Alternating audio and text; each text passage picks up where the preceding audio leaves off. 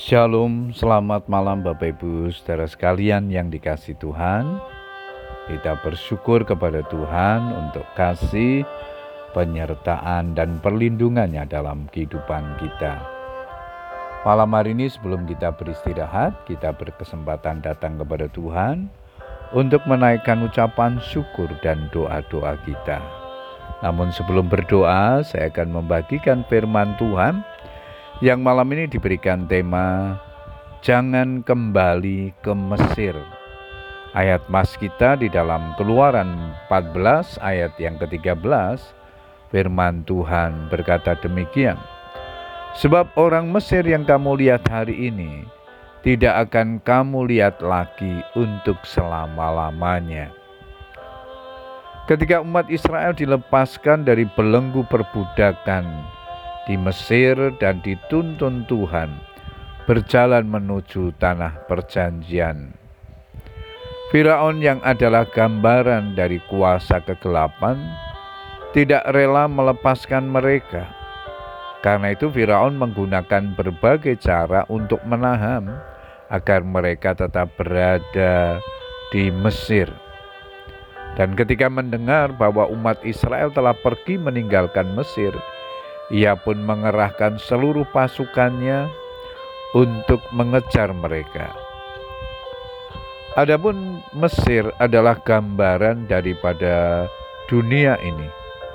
Suatu kehidupan duniawi yang dibelenggu oleh dosa atau hamba dosa. Pada saat itu umat Israel benar-benar berada pada posisi yang sulit.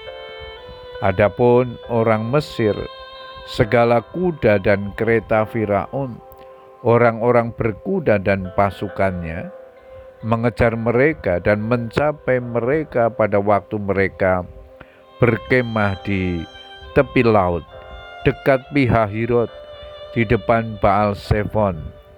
Ketika Firaun telah dekat orang Israel, menoleh, maka tampaklah orang Mesir bergerak menyusul mereka. Keadaan itu menimbulkan ketakutan yang luar biasa.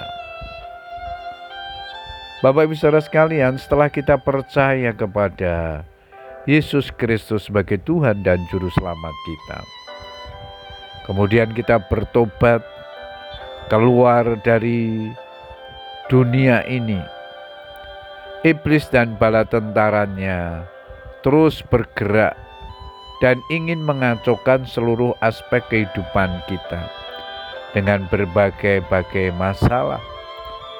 Di saat itu pun kita mulai mengeluh. Ikut Tuhan Yesus keadaan kok tidak bertambah baik, masalah dan cobaan datang bertubi-tubi. Umat Israel mulai menyalahkan pemimpin mereka yaitu Musa dan berani menyalahkan Tuhan. Apakah karena tidak ada kuburan di Mesir maka engkau membawa kami untuk mati di padang gurun ini? Apakah yang kau perbuat ini terhadap kami dengan membawa kami keluar dari Mesir?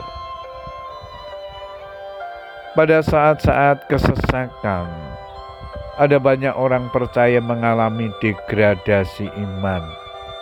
Mata rohani menjadi kabur, sehingga keselamatan yang ada di depan mata pun tidak dilihatnya. Yang tampak hanyalah masalah atau pergumulan hidup yang berat, dan mulai membanding-bandingkan dengan kehidupan di Mesir dan ingin kembali ke sana. Milikilah mata iman seperti Musa yang tetap percaya walaupun belum melihat.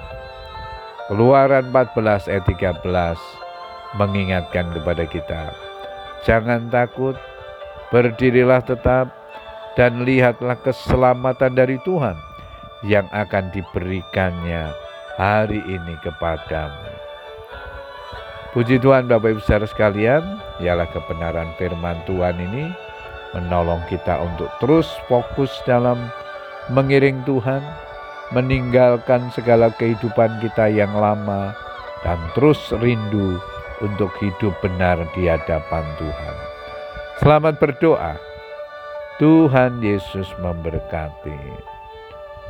Amin.